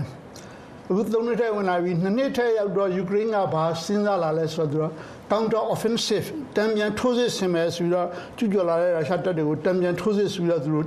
ပြတ်ထန်ဆုံးကြိုးစားခဲ့ပါတယ်ဒါပေမဲ့မအောင်မြင်ပါဘူးပထမဆုံးရုရှားတွေကသူတို့ရဲ့ယူကရိန်းမြို့ဖြစ်တဲ့ဘာကုကိုပြန်သိမ်းသွားတယ်နောက်မကြာသေးခင်လပိုင်းအတွင်းမှာပဲ Avdiivka ကိုသိမ်းတယ်ဆိုတော့တခါဒီဟာတကယ်ကို landmark victory for Russia ရုရှားတွေအတွက်မှတ်လောက်သလောက်အောင်ပွဲဖြစ်ပါတယ်ဒါယူကရိန်းသမ္မတတို့ကလည်းဝန်ခံကြတယ် နောက်တစ်ခါစီးရင်အဖြစ်ရှင်မယ်ဆိုရင်လည်းရုရှားကယူကရိန်းထက်အများကြီးအင်အားသာပါတယ်ရုရှားအမေရိကန်ပြီးရင်ကမ္ဘာမှာစစ်အင်အားအကြီးဆုံးနိုင်ငံဖြစ်တယ်ဆိုတော့ယူကရိန်းကသူများအကူအညီနဲ့နေရတာဖြစ်ပါတယ်စစ်အင်အားအဖြစ်စစ်သားအရေးအတွက်ကအစ military service ဒီဝန်ထမ်းတွေကြီးမယ်ဆိုရင်ယူကရိန်းမှာ3သိန်းကျော်လောက်ရှိရင်ရုရှားမှာ7သိန်းကျော်လောက်ရှိတယ်တခါပစ္စည်းလက်နက်ကရိယာအလုံးရုရှားဖက်ကသာပါတယ်ဆိုတော့အခုခါမှလည်းပဲရုရှားဘက်ကအင်အားကောင်းနေတယ်ပြန်သိမ်းနိုင်တယ် ယူကရိန်းရဲ့တံမြန်ထိုးစစ်မအောင်မြင်တဲ့အခြေအနေဖြစ်တယ်လို့ပဲပြောမှာဖြစ်ပါတယ်။သတင်းတွေထဲမှာတော့ဒီယူကရိန်းကရုရှားရဲ့ drone တွေလေယာဉ်တွေကိုပြန်ပြီးတော့ပစ်ချနေရပါပဲဟုတ်ပါတယ်ဒါပေမဲ့ drone တွေလေယာဉ်တွေဆိုတော့ကျွန်တော်နားလည်လောက်ပြောရင်စီးကျွမ်းကျင်တော့မဟုတ်ပါဘူးလေတပ်ဆိုတာကတော့အောက်ကထီလျင်တက်တွေအမြောက်တက်တွေဆက်လက်သွားဖို့အတွက်လမ်းရှင်းပေးတဲ့သဘောပေါ့လေဆိုတော့ artillery ခေါ်တဲ့အမြောက်တကတိတ်ပြီးတော့အင်အားကောင်းနေတာရှာဘကအဲ့ဒါကြောင့်လည်းသူတို့နေမြေတက်တက်သိမ်းထားတာပေါ့ အဲ့ဒီဟာပေါ်ကျော်လာတဲ့လေရင်တို့ drone တို့တော့ယူကရိန်းကပြန်ပြစ်နိုင်တာတော့ရှိတယ်သို့ပေမဲ့လည်းပဲဒီ artillery ကိုသူတို့တွန်းလှန်နိုင်ခြင်းရုရှားရဲ့ artillery ကြီးတက်တက်လာတဲ့ဟာတွေအမြောက်တက်လာတဲ့ဟာဆိုတွန်းလှန်နိုင်ခြင်းမရှိလို့အခုလိုအရင်းနေရတာဖြစ်တယ်လို့ပြောမှာပါအမေရိကန်ဘက်ကစီအကူညီတွေကအခုရက်ဆိုင်သွားတယ်ပေါ့နော်အဲ့တော့အမေရိကန်ကသူဂတိတွေပေးထားပြီးတော့ဘာကြောင့်တွန့်ဆုတ်နေရပါလဲပါတီနိုင်ငံရေးကြောင်းလား ပါပါတယ်ပါတီနိုင်ငံရေးအကြောင်းဆိုပါတီနိုင်ငံရေးကိုအဓိကပြောမှာပေါ့လေဒီမိုကရက်သမ္မတဂျိုးဘိုင်ဒန်ကဒါကိုအခုညီပေးဖို့ဆိုတာအဓိကကွန်ဂရက်မှာသူတို့ဥပဒေပြုဖို့တင်သွင်းတယ်အဲ့ဒီဥပဒေကိုအခုခါမှာနောက်ဆုံးအသုတ်ပေါ်လေဘီလီယံ90ကျော်ပေးမဲ့ကိစ္စကို Republican ဆရာကန့်ကွက်ထားတဲ့ကြောင့်စီမံတွန်းနိုင်ဖြစ်နေပါတယ်ယူကရိန်းကိုသူတို့နိုင်ငံရေးအဖြစ်ထောက်ခံတယ်သို့တော်လည်းပဲသမ္မတဘိုင်ဒန်ရဲ့တခြားဥပဒေတွေဖြစ်တဲ့သမ္မတဘိုင်ဒန်ကနေဆက်ကိုလူဝင်မှုကြီးကြပ်ရေးမှာ သိပြီးတော့တင်းတင်းကြပ်ကြပ်မဟုတ်ဘူးပေါ့လေ Republican ဖြစ်ချင်တယ်လို့မလုပ်ဘူးသူကမက္ကဆီကိုနယ်စပ်မှာလူဝင်မှုကြီးကြပ်ရေးတို့စသဖြင့်ပေါ့လေ asylum ကိစ္စတော့ကသူက Republican တွေမကျေနပ်ဘူးဆိုဒါကိုမကျေနပ်တဲ့တဲ့ကြောင့်ဟိုဥပဒေကိုလည်းပဲယူကရိန်းကိုပေးမဲ့ဥပဒေကိုလည်းကန့်ကွက်တယ်ဆိုပြီးတော့တွဲပြီးတော့ကန့်ကွက်တာပါအဲ့ဒါက Senate အထက်လွှတ်တော်ရဲ့လူနည်းစု Republican ကောင်ဆောင် Mitch McConnell ကပြီးခဲ့တဲ့နှစ်ရက်လောက်ကမီဒီယာတစ်ခုအင်တာဗျူးပေးတဲ့ထဲမှာကျွန်တော်ဖတ်ရဖြစ်ပါတယ်ဒါနိုင်ငံရေးကိစ္စ ဒါပေမဲ့အဲ့ဒီလောက်သဘောထားမပြော့ပြောင်းမနဲ့ပိုတင်းမာတဲ့ Republican ရှိတယ်အဲ့ဒီ Republican တွေကတော့ပေးကိုမပေးသင့်ဘူးဒီကိစ္စမှာငါတို့မပါသင့်ဘူးလို့ပြောတဲ့သဘောထားရှိတယ်အဲ့ဒီ Republicans တွေထဲမှာများသောအားဖြင့်ကတော့ Donald Trump ကိုထောက်ခံတဲ့မဲဆန္ဒနယ်က Republican တွေနောက်ပြီးတော့သူ့ရဲ့မဲဆန္ဒနယ်ကပြည်သူတွေကိုမဲစင်းကောက်ကြည့်ဟာဒါဖြစ်ဆန္ဒသဘောထားကောက်ကြည့်တဲ့အခါမှာ63ရာခိုင်နှုန်းက မပေးသင့်ဘူးဒီဟာပေးတာမှားတယ်ဆိုတော့ကန့်ကွက်ကြတာရှိပါတယ်ဒါကပါတီနိုင်ငံရေးနဲ့ပတ်သက်ပြီးတော့အဖူးတစ်ဖြစ်နေတာဒါ့အပြင်အမေရိကန်သမိုင်းကြောင်းကိုကြည့်ရင်အမေရိကန်ရဲ့နိုင်ငံခြားရေးဝါဒဟာစီရအထီးကျန်နေခြင်းတဲ့ဝါဒ isolationist isolationism လို့ခေါ်ရမှာဖြစ်ပါတယ်ဟိုပထမကစီပြီးတော့ငါဆိုရင်အမေရိကန်ကဝင်တိုက်ပေးခဲ့တဲ့အများကြီးအရင်ဝူဒရိုဝီဆင်ဟာသိအာနာကြည့်လာပြီးတော့ သူကိုယ်တိုင်နောင်ကိုစစ်ပွဲမဖြစ်အောင်ဆိုပြီးအမေရိကန်သမ္မတက League of Nations ဆိုခေါ်တဲ့နိုင်ငံပေါင်းတို့အသင်းကြီးကိုသူကတီထောင်ပေးခဲ့တယ်နိုင်ငံတွေကသိသဘောတူပြီးလက်ဖက်ရေးထိုးကြတယ်ဒါပေမဲ့ Woodrow Wilson ရဲ့နိုင်ငံဖြစ်တဲ့အမေရိကန်ကအဖို့ရင်ဖြစ်မလာဘူးကွန်ဂရက်ကကန့်ကွက်တယ်ဟာငါတို့ကသူများနိုင်ငံရေးဝင်မရှုပ်ဘူးသိကြနေမယ်ဆိုတဲ့သဘောထားမျိုးရှိခဲ့ဆိုသူတို့သမိုင်းရောက်မှာကိုထားရလို့ isolationist idea လေးမသိမသာကြံနေသေးတယ်လို့ပြောမှာဖြစ်ပါတယ်တကယ်တော့အဲ League of Nations ဆိုတာကုလသမဂ္ဂရဲ့ရှေ့ပြေးပေါ့ကုလသမဂ္ဂဒုတိယကမ္ဘာစစ်မှာပေါ်ပေါက်လာတယ် အဲ League of Nations ကပတ်ကဘာစီမှာပေါ်ပေါက်ခဲ့တာဖြစ်တယ်ဆိုတော့အဲလိုသမိုင်းကြောင်းရဲ့ဒါစင်လာလည်းပဲနည်းနည်းစိတ်ထဲမှာရှိနေသေးလို့ထင်ပါတယ်ဒါကြောင့်အမေရိကန်ရဲ့အကူအညီဟာနှောင့်နှေးနေတယ်လို့ပြောမှာဖြစ်ပါတယ်ဥရောပရောဘယ်လိုအကူအညီတွေဆက်ပေးနေပါလဲဒီဥရောပအကူအညီတွေကယူကရိန်းအတွက်ဘယ်လောက်အရေးပါပါလဲအရေးပါပါတယ်အမေရိကန်ပြီးရင်ဥရောပပေါ့ဥရောပကအမေရိကန်လောက်တော့မပေးနိုင်ဘူးပေါ့ဆိုတော့အခုဥရောပရဲ့အကူအညီလည်းပဲနှောင့်နှေးနေတယ်ဆိုတော့စောစောကအဲဒီ အာဖဂန်ကကြာသွားပြီးနောက်မှာယူကရိန်းသမ္မတကပြောတယ်ဗလိုဒီမာဇဂန်ဇလန်စကီကသူတို့ရဲ့အကူအညီနှောင့်နေလို့ငါတို့ဘက်ကထိခိုက်ခဲ့ရတာဖြစ်တယ်ဆိုတော့ပြောတယ်။နောက်သူသူပြောတဲ့စကားပြောရင်သူပြီးကြတဲ့ညီလာခံမှာ European ကမေးတယ်ဒီစီပွဲပြီးဖို့အချိန်ကြီးအလားလာလို့ဆိုအဲ့ဒီကိစ္စကိုကျွန်တော်မမေ့နဲ့ခင်ဗျားတို့ခင်ဗျားမေးပါတယ်ခင်ဗျားတို့ကိုခင်ဗျားပြန်မေးခင်ဗျားတို့ကဘလောက်အကူအညီပေးနိုင်တယ်ဘလောက်မြန်မြန်ဆန်ဆန်ပေးနိုင်တယ်ဆိုတဲ့ပုံမှာမူတည်ရဲ့ ခင်ဗျားတို့ကယူကရိန်းကိုကူညီနေရတာဟာ charity မဟုတ်ဘူးသနာဂိငါဆက်လို့အလှပေးလို့မမှတ်နဲ့ခင်ဗျားတို့နိုင်ငံခင်ဗျားတို့ရဲ့လွတ်လပ်ခွင့်ကိုကျုပ်ကရှင်းရကာကွယ်တိုက်နေရတာဟုတ်ဟုတ်တယ်လေယူကရိန်းပြီးရင်သူကရုရှားဆက်ပြီးတော့ဥရောပအနေနဲ့ဖြစ်လာနိုင်တယ်ဆိုတော့အဲ့ဒီကိုပြောတာဖြစ်တယ်ဆိုတော့အဲ့ဒီကိစ္စမှာကူဥရောပကလည်းပဲဆက်ပြီးမပေးနိုင်ဖြစ်နေတယ်အမေရိကန်ပြည်တဝက်လောက်တော့မှမရှိရှိပါပဲဒါပေမဲ့လည်းသူတို့ကတောင်းနှင်းနေသူတို့နှောင်နေတဲ့အကြောင်းရင်းကတော့ သူတို့စီမှာခွဲတန်းချထားတယ်ဥရောပသမဂ္ဂနိုင်ငံတွေမှာစီးပွားရေးကိစ္စပါညာပူးပေါင်းဆောင်ရွက်ကြတဲ့ဥပဒေကိစ္စမှာစီရေးဟာသူ national affairs ဖြစ်တယ်စီရေးကိစ္စနဲ့ပတ်သက်ပြီးတော့စီရေးမှာသဘောတူမှုမရှိဘူးနေတိုးမှာရှိတယ်ဥရောပသမဂ္ဂအနေနဲ့မရှိဘူးဆိုတော့ဥရောပသမဂ္ဂတွေမှာသူတို့နိုင်ငံရဲ့တိုင်းပြည်ဗန္ဒာရေးအချိုးအစားလိုက်ပေးရတယ်ဆိုဂျာမနီက ဒီဗန္ဒာရေးအတောင်းတင်ဆုံးဆိုသူအများဆုံးပေးရတယ်အဲ့ဒီကိစ္စမှာလည်းပဲနည်းနည်းမကြည့်မလဲဖြစ်တယ်သူနဲ့ငါများဆိုတဲ့ကိစ္စရှိတယ်လို့သိရပါတယ်နောက်တစ်ခုကလည်းအမေရိကန်နှောင့်နှင်းနေတဲ့ကိစ္စအမေရိကန်မှာနောက်ပိုင်းမှာဘယ်လိုဖြစ်လာမလဲဘာညာဆိုတာသူတို့စောင့်ကြည့်နေတဲ့သဘောလေးဖြစ်မယ်အဲ့ဒီဟာလည်းပါတယ်လို့ထင်ပါတယ်ဒီမှာဒီ American ရဲ့ Ukraine ပေါ်သဘောထားဥရောပနိုင်ငံအနေနဲ့ဘာကွာလို့ပါလဲအာဥရောပကဘူရေးကြည့်တယ်အစကတည်းကဥရောပဟာ ကမ္ဘာစစ်တွေဖြစ်ရင်ဥရောပမှာပဲဖြစ်မလဲအခုရုရှားနဲ့စစ်ဖြစ်လာရင်လည်းဥရောပပဲဖြစ်မှာအမေရိကန်ကသမုဒ္ဒရာကြီးထားထားတာရောက်လာမှာမဟုတ်ဘူးဆိုတော့အဓိကအဲကြောင့်ဥရောပမှာစစ်ဖြစ်တိုင်းအမေရိကန်အစတက်တက်ကြွကြွမပါခဲ့ဘူးဒုတိယကမ္ဘာစစ်လည်းသူတို့ပေါ်ဟာဗတ်ဘန်ကပြစ်လာတဲ့ခါမှာကသူတို့ဝင်နေဆွေးလုပ်လိုက်တာဖြစ်တယ်ဆိုတော့များသောအားဖြင့်ဥရောပကပူခန်းရတယ်ဥရောပနဲ့အမေရိကန်ကွာတာကဒနာအင်အားချင်းကွာတယ်နောက်ပြီးတော့ အဲစီးရဲ့ဒဏ်ကိုပထမဦးဆုံးထိတွေ့ရမယ့်အနေအထားမှာအမေရိကန်နည်းနည်းရှောင်နေလို့ရတဲ့သဘောရှိတယ်ဥရောပခံရမယ်သို့တော့အမေရိကန်ဟာလည်းပဲဥရောပဟာအမေရိကန်တို့သိအရေးကြီးတယ်ဘာကြောင့်လဲဆိုတော့အမေရိကန်ရဲ့ prosperity ချမ်းသာကြွယ်မှုကဥရောပရဲ့ချမ်းသာကြွယ်မှုနဲ့ဆက်နွယ်နေတယ်ဥရောပချွတ်ထုံကြအမေရိကန်ရဲ့ချွတ်ထုံကြသွားမှာပဲဒါကြောင့် ဒုတိယကမ္ဘာစစ်ပြီးတဲ့အခါမှာဥရောပကစစ်ဖြစ်ပြီးတော့နလန်မထူနိုင်ဖြစ်နေတဲ့အခါ Marshall Plan တို့ဘာလို့စီမံကိန်းတွေပါလုတ်ပြီးတော့အမေရိကန်ကဥရောပနလန်ထူထောင်ရေးကိုလုပ်ပြီးခဲ့ရတာဖြစ်တယ်ဆိုတော့အဲ့ဒီခုတော့ဆက်ဆက်နေပါတယ်သို့တော်လည်းပဲစစ်တမ်းကိုတိုက်ရိုက်ခံရတဲ့အခါတော့ဥရောပကပူပြီးတော့ခံရတယ်ဒါကြောင့်ဥရောပကပူပြီးတော့စိုးရင်သင့်တယ်လို့ယူဆကြပါတယ်ငါအဲယူကရိန်းစစ်ပွဲအဆုံးသတ်ဖို့ကအမေရိကန်နဲ့အနောက်နိုင်ငံတွေပေါ်မှာလုံးဝမူတည်နေရဆိုတဲ့သဘောပါလားပြောနိုင်ပါတယ် ယူကရိန်းကရုရှားကိုဘယ်လိုမှစင်အားဖြင့်မမီနိုင်ပါဘူးအဲဒါကြောင့်လည်းပဲအဓိကလိုဖြစ်တာနောက်ပြီးရုရှားကလည်းပဲယူကရိန်းကိုဝင်တိုက်ရတဲ့အကြောင်းရင်းပေါ့လေ2014ခရိုင်းမီးယားဘာညာစဖြစ်ခဲ့တယ်သူတို့ကယူကရိန်းကအနောက်နဲ့သိနှိစက်သွားမယ်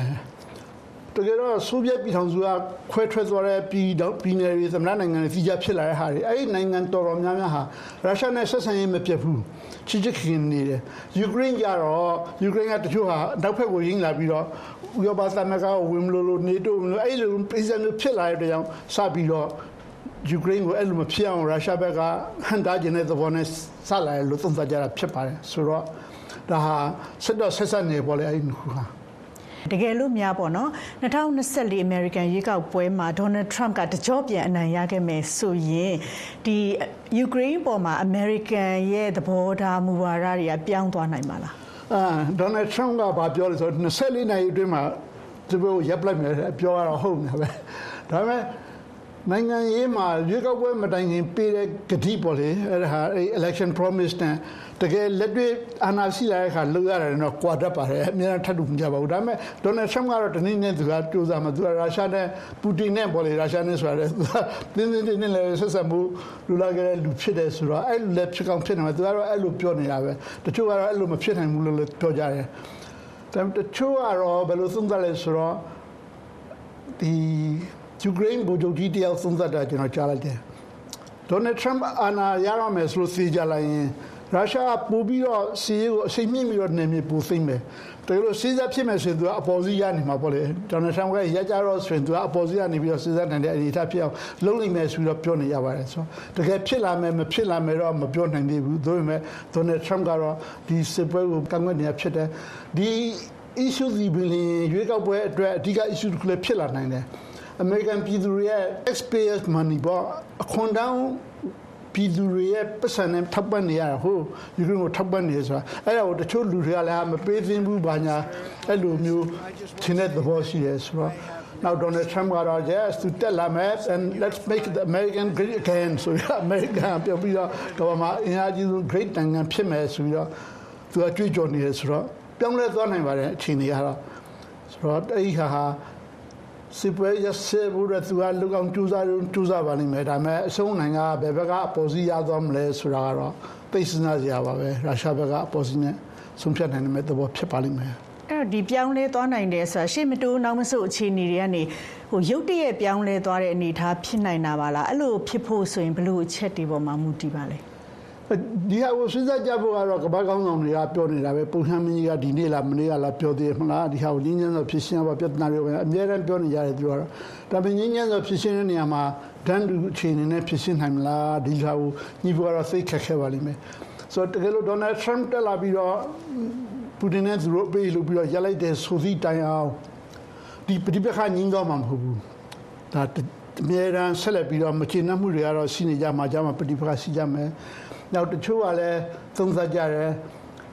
ဒီအမေရိကန်ကဘာမှမလုပ်ဖဲနဲ့အလျှော့ပေးပြီးတော့တာပေးလိုက်ရတဲ့သဘောဖြစ်တယ်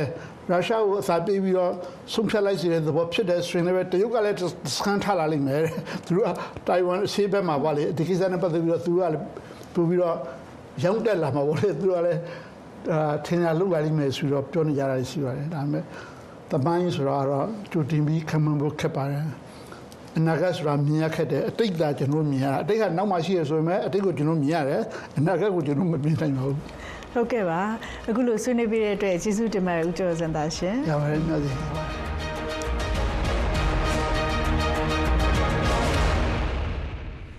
မေရိကန်ပြည်ထောင်စုမှာ ကျောင်းသားဗီဇာရပြီး ကျောင်းတက်ခွင့်ရဖို့ဆိုတာ Gen Z အများစုရဲ့ အိပ်မက်ပါ။လက်ရှိအခြေအနေမှာ အခက်အခဲအမျိုးမျိုးကြောင့် အမေရိကန်မှာ ကျောင်းတက်ခွင့်ရဖို့အတွက် လူငယ်တွေ ပြင်ဆင်မှုတွေ အများကြီး လုပ်ကြရပါတယ်။သွားတက်မယ့်ကျောင်းကို ရွေးချယ်လျှောက်ထားတာကအစ အမေရိကန်ပြည်ဝင်ခွင့်ဗီဇာရဖို့အဆုံးပြင်ဆင်လုပ်ကိုင်တဲ့နေရာမှာသိထားသင့်တာတွေ၊ရှောင်ရှားရမှာတွေရှိပါတယ်။ဒီလို Gen Z လူငယ်တွေသိချင်တဲ့မေးခွန်းတွေသိရအောင် Montgomery College မှာပညာသင်ယူနေတဲ့ညီမငယ်လေးတယောက်ကိုမခင်လေးဆက်သွယ်မေးမြန်းထားပါတယ်ရှင်။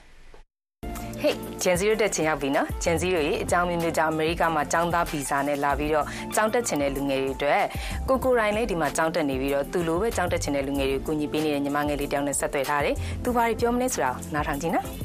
အာညီမနာမည်ကတော့များစီတာဟာအာယခုလက်ရှိ Maryland Montgomery College မှာတက်နေရပါတော့ကျောင်းမတက်ခင်ပြင်ဆင်ရမယ့်အရာတွေကဘာတွေဖြစ်မလဲ။ အဓိကအရေးကြီးဆုံးကတော့ကိုမှာပေါ့နော်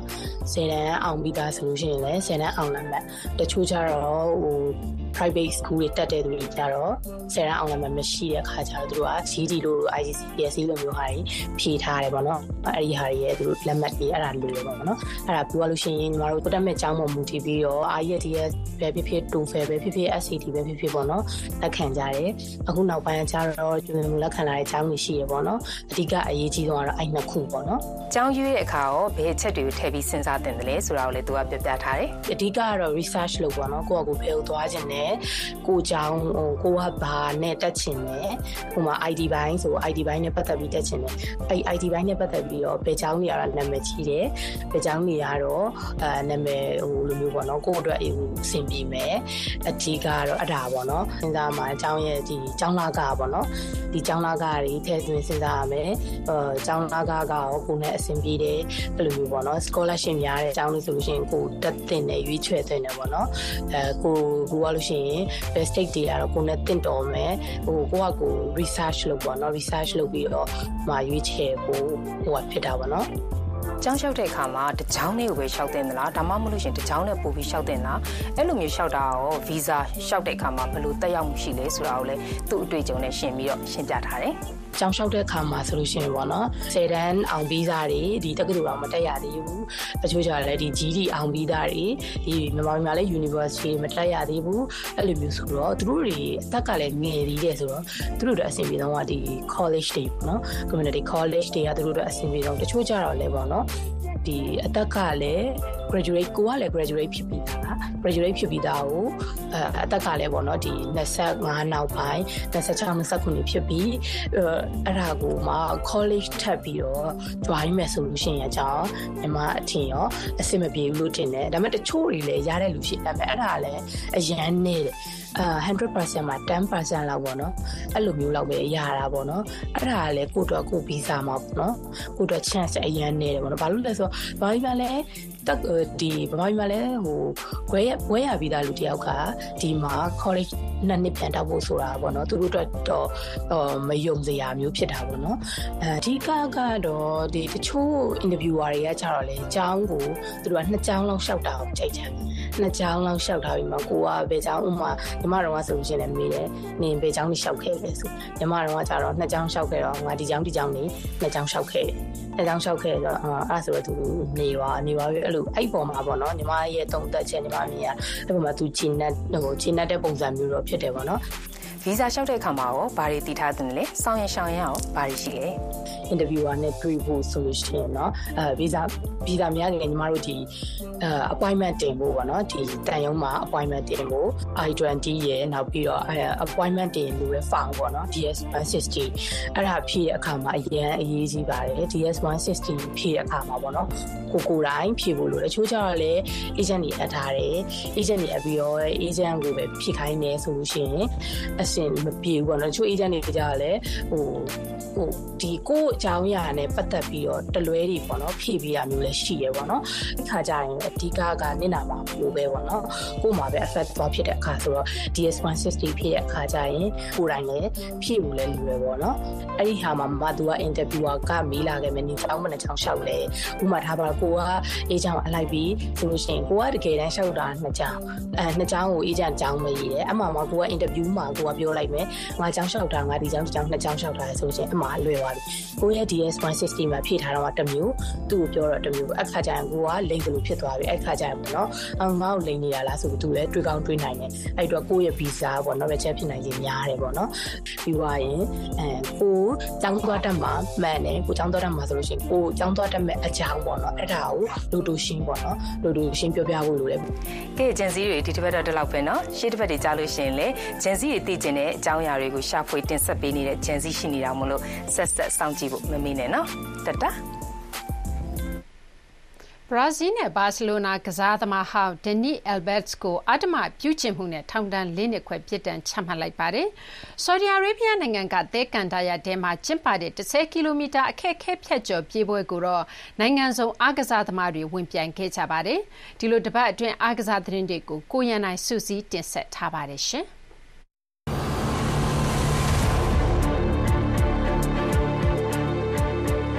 င်္ဂလာပါကျွန်တော်ရန်နိုင်ပါ VOA ရဲ့တပတ်တွင်အားကစားသတင်းတွေကိုတင်ဆက်ပေးသွားမှာဖြစ်ပါတယ်အင်္ဂလန်ကကာရာဘောဖလားဘောလုံးပွဲမှာတော့လီဗာပူးအသင်းကအချိန်ပိုမှာတွင်းတဲ့ဂိုးနဲ့နိုင်ရပြီးတော့ချန်ပီယံဖြစ်သွားပါတယ်ကာရာဘောဖလားဖိုင်နယ်ကိုလန်ဒန်မြို့ကဝမ်ဘလီကွင်းကြီးမှာတနင်္ဂနွေနေ့ကကစားခဲ့ကြပြီးတော့လီဗာပူးနဲ့ချယ်ဆီတို့ပိုလူခဲ့ကြတာပါဒီဘက်မှာနှစ်ပတ်အပြန်အလှန်ဂိုးတွေတွင်းခဲ့ပေမဲ့လည်း VAR ကလူချွန်တယ်လို့ဆိုတာကြောင့်နှစ်သင်းစလုံးဂိုးတွေမရခဲ့သလို နှစ်သင်းစလုံးတိုင်ထိတာတွေလည်းရှိခဲ့ကြပါတယ်။လေဦးအတွက်အနိုင်ဂိုးကိုတော့ Van Dijk ကအချိန်ပို118မိနစ်မှာ ခေါင်းတိုက်သွင်းခဲ့တာကြောင့် နောက်ဆုံးမှာလေဦးကတကူးကိုမရှိနဲ့ နိုင်ပြီးတော့ကာရာဘောက်ဖလားကို ရသွားခဲ့ပါတယ်။လူဦးအသင်းဟာ ဒီပွဲမှာ ဒဏ်ရာရကစားသမားတွေ အများပြားရှိနေတာကြောင့် လူငယ်တွေ အရန်ကစားသမားတွေ အများပြားကို ထည့်သုံးသွားခဲ့ပြီးတော့အဲ့လို ဒဏ်ရာရတဲ့သူတွေ အများပြားရှိနေတဲ့ဂျားက အခုလို အနိုင်ရသွားတဲ့အတွက် သူ့အတွက်တော့ အထူးခြားဆုံးဆု ဖြစ်တယ်ဆိုပြီးတော့လေဝူးနီးပြယာဂင်ကလော့ကပြောပါတယ် more than 20 years easily the most special trophy I ever won ကျွန်တော်ရဲ့နေ့20ကျော်နီးပြတဲ့တန်းတစ်လျှောက်မှာတော့ ကျွန်တော်နိုင်ဘူးခဲ့သမျှစူဖလားတွေထဲမှာ ဒါအထူးခြားဆုံးစူဖလားပါလေဦးနီးပြယာဂင်ကလော့ဟာ ဒီဘောလုံးရာသီအကုန်မှာ အသင်းကနေ ထွက်တော့မှာဖြစ်တဲ့အတွက် ကလော့ရဲ့ နောက်ဆုံးဘောလုံးရာသီမှာ ဘယ်လောက်ထိ အောင်မြင်မှုတွေ ယူနိုင်မလဲဆိုတာကိုလည်းအလုံးက စိတ်ဝင်စားနဲ့ စောင့်ကြည့်နေကြပါတယ်ခင်ဗျာ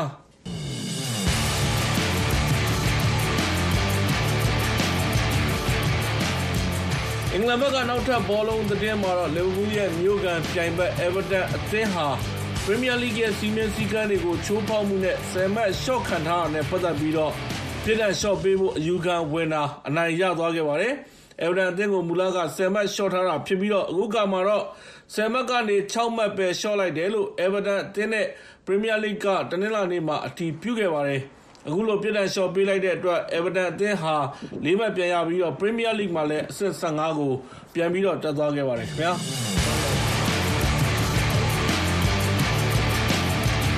ပင်မမှာတော့ Real Madrid အသင်းမှာ ကစားနေတဲ့ German ကွင်းလယ်ကစားသမား Toni Kroos ဟာ ဂျာမနီလက်ရေးစဉ်အသင်းအတွက်ပြန်ကစားမယ်လို့ပြီးခဲ့တဲ့ခြာသာပတေးနေ့ကကြေညာလိုက်ပါတယ်။တိုနီခရုစ်ကသူ့အနေနဲ့ လာမယ့် မတ်လကစပြီးတော့ ဂျာမနီလက်ရေးစဉ်အသင်းမှာ ပြန်ကစားတော့မယ်လို့ သူ့ရဲ့ လူမှုကွန်ရက်ကနေ ပြောပါတယ်။ဒါကြောင့်တိုနီခရုစ်ကို ဂျာမနီနိုင်ငံမှာကျင်းပမဲ့ယူရို2024ဥရောပဖလားဘောလုံးပွဲမှာ ကစားတာကို ပြန်ပြီးတော့ တွေ့ရမှာဖြစ်ပါတယ်။အသက်34နှစ်ရှိဖြစ်တဲ့တိုနီခရုစ်ဟာ2010ခုနှစ်မှာ ဂျာမနီလက်ရေးစဉ်ဖြစ်လာခဲ့ပြီးတော့ဂျာမနီအသင်းအတွက် နိုင်ငံတကာပွဲ စုစုပေါင်း106ပွဲ ကစားပေးထားတာလည်း ဖြစ်ပါတယ်။ပြီးခဲ့တဲ့ ယူရို2020ဥရောပဖလား ဘောလုံးပွဲမှာတော့ အင်္ဂလန်အသင်းကို ဒုတိယအဆင့် ရှုံးထွက်ပွဲစဉ်မှာ ရှုံးခဲ့ပြီးတဲ့နောက် လက်ရွေးစင်အသင်းကနေ အနားယူခဲ့တာပါ။အဲ့နောက် ၃ နှစ်ကြာမှဂျာမနီလက်ရွေးစင်အသင်းမှာ ပြန်ပြီးကစားဖို့ အခုလို ဆုံးဖြတ်ခဲ့တာ ဖြစ်ပါတယ်ခင်ဗျာ။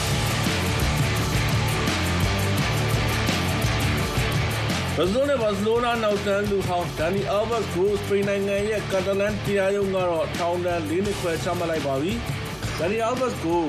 မျိုးသမီးတူကိုလိမ်မိုင်းဆိုင်ရာစော်ကားမှုနဲ့ပြီးခဲ့တဲ့ဖေဖော်ဝါရီ22ရက်နေ့ကဘာစီလိုနာမြို့ကကာတလန်တရားရုံးကအဲ့လိုအမိန့်ချမှတ်လိုက်တာပါ။တရားရုံးကအခုလိုဆုံးဖြတ်လိုက်တဲ့အပေါ်မှာခြေနဲ့တယ်လို့တရားလိုရှေ့နေဒေးဗစ်ဆန်ကတော့ပြောပါတယ်။ Estamos satisfechos porque al final es una condena que reconoce eh, lo que hemos sabido siempre, la verdad de la víctima ဒီအမိန့်နဲ့ပတ်သက်ပြီးကျွန်တော်တို့ဘက်ကဂျင်းနဲ့ပါတယ်ဘာလို့လဲဆိုတော့ဒါကကျွန်တော်တို့အမြဲပြောသလိုပဲဖြစ်ခဲ့တဲ့ကိစ္စကိုလက်ခံအသိမှတ်ပြုတာကြောင့်ပါဒါမဲ့လည်းဒါနီအယ်ဗစ်ရဲ့ရှင်းနေ Ines Guardiola ကတော့ဒီအမိန့်နဲ့ပတ်သက်ပြီးတော့အထက်တရားရုံးကိုအယူခံဝင်သွားမယ်ဆိုပြီးတော့ပြောလိုက်ပါတယ် Vamos a recurrir la sentencia que sigo creyendo y defendiendo la inocencia del señor Alves တရားရုံးကဒီအမိန့်ချမှတ်တာကိုကျမတို့အယူခံဝင်သွားမှာဖြစ်ပါတယ်။ Mr. Alps အပြစ်မရှိဘူးလို့ကျမအနေနဲ့ယုံကြည်လက်ခံထားတော့မှဖြစ်ပြီးတော့ဆက်ပြီးတော့လည်းခုခံကာကွယ်သွားမှာပါ။လေးနှစ်ခွဲဆိုတာကတော့တစ်ဖက်ကလျှောက်ထားသလိုမျိုး9နှစ်တို့12နှစ်တို့ဆိုတာထက်တော့အများကြီးတော်ပါသေးတယ်။ဘလို့ပဲဖြစ်ဖြစ်ကျမတို့ကတော့သူ့အနေနဲ့အပြစ်မရှိဘူးလို့ယုံကြည်တဲ့အတွက်ကြောင့်မလို့အယူခံဝင်သွားမှာပါရှင်။ Dani Alves အနေနဲ့ထောင်ဒဏ်လေးနှစ်ခွဲအပြင်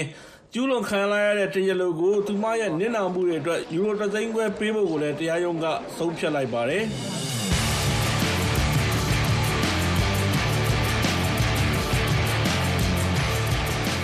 ဆော်ဒီအာရေဗျနိုင်ငံမှာကျင်းပတဲ့အခက်အခဲအတားအဆီးတွေကြော်ဖြတ်ပြရတဲ့ဒီအခက်အခဲဖြတ်ကျော်ပြေးပွဲကိုတော့ဘာတော်နိုင်ငံပေါင်းစုံကပြိုင်ပွဲဝင်တဲ့သူတွေဝင်ရောက်ရှင်ပြိုင်ခဲ့ကြပါတယ်။ အယ်လာပြိုင်ပွဲလို့ခေါ်တဲ့ဒီပြိုင်ပွဲကိုတော့ဆော်ဒီနိုင်ငံကသဲကနာထဲမှာပြီးခဲ့တဲ့စနေနေ့ကကျင်းပခဲ့တာဖြစ်ပါတယ်။ပြိုင်ပွဲမှာတော့အမျိုးသားအမျိုးသမီးတဦးချင်းအပြင်၄ယောက်အသင်းလိုက်ပြိုင်ပွဲဝင်တာတွေလည်းရှိခဲ့ပါတယ်။ဒီပြိုင်ပွဲမှာတော့ပြိုင်ပွဲဝင်တဲ့သူတွေဟာ10ကီလိုမီတာရှည်တဲ့အကွာအဝေးတစ်လျှောက်အခက်ခဲအတားအဆီးမျိုးစုံကိုကျော်ဖြတ်ပြီးတော့ပြိုင်ခဲ့ကြတာဖြစ်ပါတယ်။ တောင်ကုန်းတက်ဆင်းတွေရေထဲကနေဖြတ်ကူးရတာတွေကျိုးနဲ့တွေ့တက်ရတာတွေဝမ်းရောက်မောက်သွားရတာစတဲ့အခက်ခဲမျိုးစုံပါဝင်ခဲ့ပြီးတော့အားကစားသမားတွေဟာရှင်းနိုင်လောက်ကြာတဲ့အထိပြိုင်ခဲ့ကြရလည်းဖြစ်ပါတယ်။မျိုးသားဘက်မှာတော့ Britain က John Albon ကအနိုင်ရပြီးတော့ Australia က Ryan Atkins ကဒုတိယ American က Mark Braders ကတတိယရသွားပါတယ်။အမျိုးသမီးဘက်မှာတော့ Alisa Petrova ကပထမရပြီးတော့ Nicole Marisol ကဒုတိယ Yanka Papova ကတတိယရသွားခဲ့ပါတယ်။ဒီတိုင်ပွဲမှာပထမရတဲ့သူကတော့စုချင်းငွေအဖြစ်နဲ့ American ဒေါ်လာ8000လဲရရှိသွားခဲ့ပါတယ်ခင်ဗျာ။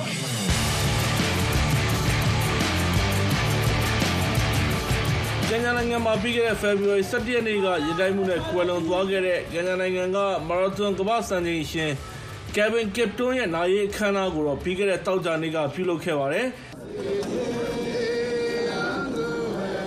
Kipton ရဲ့ နာရီအခမ်းအနားကိုကန်ညာနိုင်ငံ Rip Town ကြားက Nairobi မြို့မှာ ပြုလုပ်ခဲ့ပြီးတော့လက်ရှိကန်ညာသမ္မတ William Ruto နဲ့ နိုင်ငံတကာပြေးကုန်ပြေးပွဲချုပ် ဥက္ကဋ္ဌ Sebastian Coe ပါဝင် လူရာနဲ့ချီပြီးတော့တက်ရောက်ခဲ့ကြပါတယ်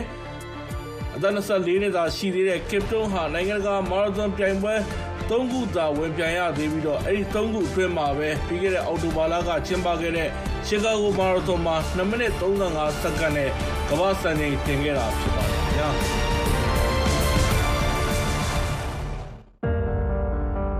မသေးချာမရေရာမှုတွေနဲ့ပြည့်နှက်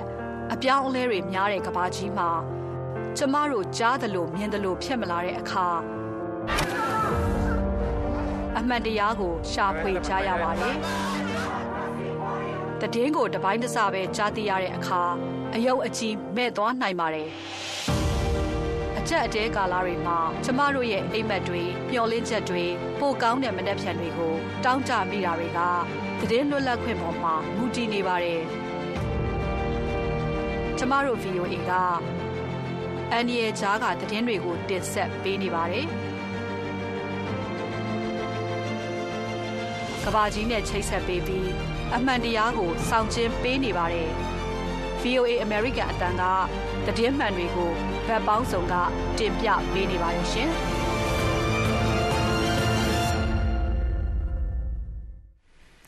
ခုတော့သတင်းချင်းချုပ်ကိုတင်ပြပေးမှာဖြစ်ပါတယ်ရှင်။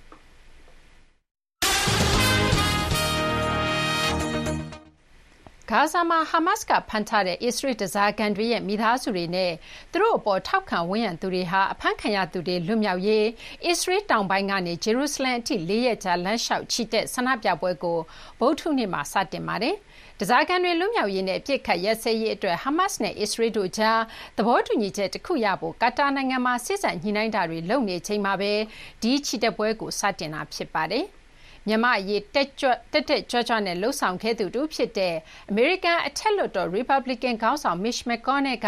သူခေါင်းဆောင်နေရာကနေနုတ်ထွက်တော့မယ်လို့ဗုဒ္ဓဟူးနေ့မှာကြေညာပါတယ်။သူဟာအထက်လွှတ်တော်သမိုင်းမှာ၁၇နှစ်နီးပါးကြာသက်တမ်းအရှည်ဆုံးပါတီခေါင်းဆောင်နေရာရယူခဲ့သူဖြစ်ပြီးမြန်မာ့ဒီမိုကရေစီရေးအတွက်စစ်အာဏာရှင်တွေကိုဒဏ်ခတ်အရေးယူရေးကိစ္စရပ်တွေအပါအဝင်မြန်မာနိုင်ငံနဲ့ပတ်သက်ပြီးမကြာခဏထုတ်ဖော်ပြောဆိုတတ်သူလည်းဖြစ်ပါတယ်။ စင်ကာပူနိုင်ငံမှာဖေဖော်ဝါရီလ၂၇ရက်ကကျင်းပတဲ့၆ကြိမ်မြောက်အမေရိကန်-စင်ကာပူမဟာဗျူဟာမြောက်မိတ်ဖက်ဆက်ဆံရေးဆွေးနွေးပွဲမှာအာဆီယံဘုံသဘောတူညီချက်၅ရပ်အကောင်အထည်ဖော်ဖို့ထပ်လောင်းတောင်းဆိုတာအပါအဝင်မြန်မာ့အရေးထည့်သွင်းဆွေးနွေးခဲ့ကြောင်းနှစ်နိုင်ငံပူးတွဲထုတ်ပြန်ချက်ထဲမှာဖော်ပြထားပါတယ်။နောက်ဆုံးရသတင်းအချင်းချုပ်ကတော့ဒီလောက်ပါပဲရှင်ဒီမနေ့ခင်းအတွက်အစီအစဉ်ထုတ်လွှင့်ရေးမှုကကိုစော်မှုကျော်ဖြစ်ပါတယ်ညပိုင်း9:00နာရီကနေ10:00နာရီထိထုတ်လွှင့်မဲ့ရေဒီယိုရုပ်သံအစီအစဉ်ကိုတော့ လိုင်းဒိုမီတာ ၁၉၊၂၅၊၃၂ တို့ကနေ ဖမ်းယူ နားဆင်နိုင်ကြပါတယ်။သောတရှင်များနဲ့တကွ မြန်မာပြည်သူပြည်သားအားလုံး ကိုယ်ရောစိတ်ပါ ရွှင်လန်းချမ်းမြေ့ကြပါစေရှင်။ကျမ သိင်္ဂီထိုက်ပါ။